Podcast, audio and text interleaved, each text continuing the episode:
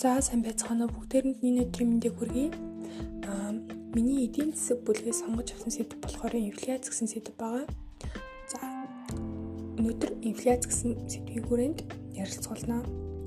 Аа инфляц гэдэг нь үнийн хөөрөгдөл, мөнгө үнийн үедэл буюу үлээх хөөрөгдөх гэсэн утгатай мөнгөний ханш буурах үйл явцыг хэлдэг.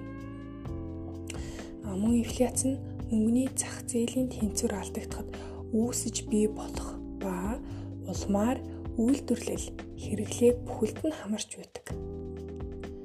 За мөн инфляц нь хүчтэй болох тусмаа төрөөс түүний эсрэг зохицуултын арга хэмжээг хэрэгжүүлэхэд улам бүр хүндрэлтэй болтгоо.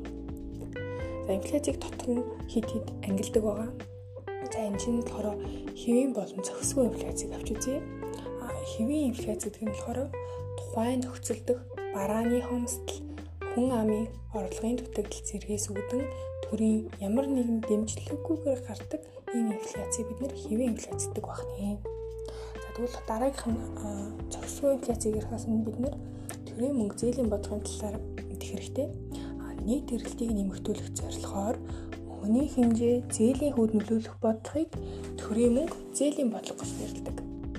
За тэгвэл төрийн мөнгө зээлийн бодлогын гол зорилго нь гэх юм бол банкны одоо зээлийн хөв буурахад иргэд болон одоо аж ахуйн нэгжүүдээс хэрэглээ болон хөрөнгө оруулалтаа зориулж авах зээлийн хэмжээ нэмэгдэж гүйлгээнд мөнгөний тоо хэмжээ өсснөөр хүмүүс мөнгөтэй болж нийт эрэлт нэмэгддэг бахны.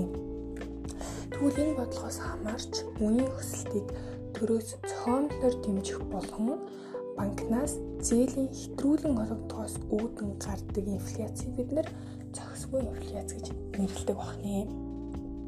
За мөн дээр дурдсан чи одоо нөгөө нэг инфляц нь улам одоо хүчтэй тусам төрөөс түүний эсрэг зохицуултыг авах хэмжээг хэрэгжүүлэхэд улам бүр хүндрэлтэй болдог гэдэг дээр а одоо инфляцийн үнийн өслийн хувьас нь хамааруулад өлхөө буюу одоо үнэ айжмаар өсч буй инфляц цогоо буюу өмнө огцон төргөн бөгөөд жиг тусаар өсөж байгаа инфляц хамгийн сүүл хонд хэтрүү буюу гиперинфляц. Энэ болохоор үний одоо маш өндөр урттай үнийн өсөж байгаа хувинд 3 орондоо тоогоор хэмжигддэг ийм инфляцийг гиперинфляц гэдэг байна. За ингэж ингэж 3 хувааж үздэг. Энэ дундаас хамгийн аюултай нь гиперинфляц гэж байна. Одоо учир нь үнийн түвшин 3 оронтой тоогоор нэмэгддэг мөнгөний зах зээл, төрийн санхүү, хөрөнгө оруулалт зэрэг хэрэглээ одоо эдийн засгийн буцаж салбарыг хамарсан гиперинфляцийн үед түүний эсрэг тэмцэх нь төрийн маш чухал бодлого болдог. Энэ үед ерөөсөө одоо тэр төрийн тэр гол зорилго болгоод тэр эдийн засгийг хөгжүүлэх асуудал нь хоёрдугаарт бичигддэг гэсэн үг. За ингээд инфляцийн төрлүүдээс ярьлаа одоолгоор инфляцийн шалтгааныг ярив. За инфляцийн үүсэх шалтгаанууд бол бас маш олон янз төрөл одоо байдаг л да. Андинс ингээд жишээ аваад ярих юм бол а эхнийх нь төв банкны гүйлгээний хүрээндх мөнгөний бодлогын буруугаас болж мөнгөний массыг таваараар одоо хангаж чадахгүй бол инфляц үүсдэгэ гэж байна. За дараагийнх нь болохоор төсвийн алдагдал нь эцсийн үр дүнд инфляцийг үүсгэж байдаг. Төв банкнаас засгийн газар тогтмол зээл авах явдал гарцаагүй гарч байдаг нь инфляцийн бас нэг шалтгаан болдог. За одоо мөн цэргийн аж үйлдвэрлэлийг хөгжүүлэх нь улсын төсвийн зарлагыг нэмэгдүүлдэг. Энэ нь эдийн засгийг цэрэгжүүлэх нь инфляцийг бий болгох гол нөхцөл бас байдаг.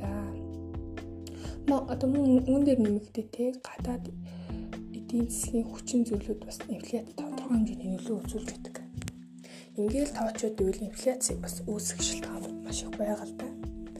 За тэгэхээр инфляц үүсгэх шалтгааныг ярьлаа. Тэгэхээр одоо инфляцийг бууруулах арга замын талаар ярив.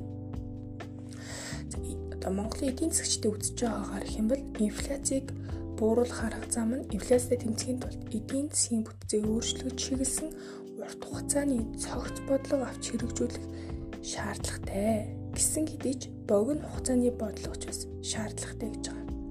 Тэгэхээр энэ тохиолдолд юм бол инфляцийг зөөлрүүлэх зорилготой богино хугацааны бодлогын арга хэмжээ мөн дунд хугацаанд үр дүнгээ өгөх цаашдын эдийн засгийн бүтцийн өөрчлөлтийг дэмжих дунд хугацааны бодлого. А сүүлийнх нь хэм бод одоо урт хугацаанд эдийн засгийн бүтцийн байгаль орчин болон гадны зах зээлээс аль болох хараат бус болгон өөрчлөж чиглэсэн харилцан уялдаатай бодлогын хувилбар хэрэгтэй гэж үздсэн байна. За тийхэд анхаарал тавьсанд баярлалаа.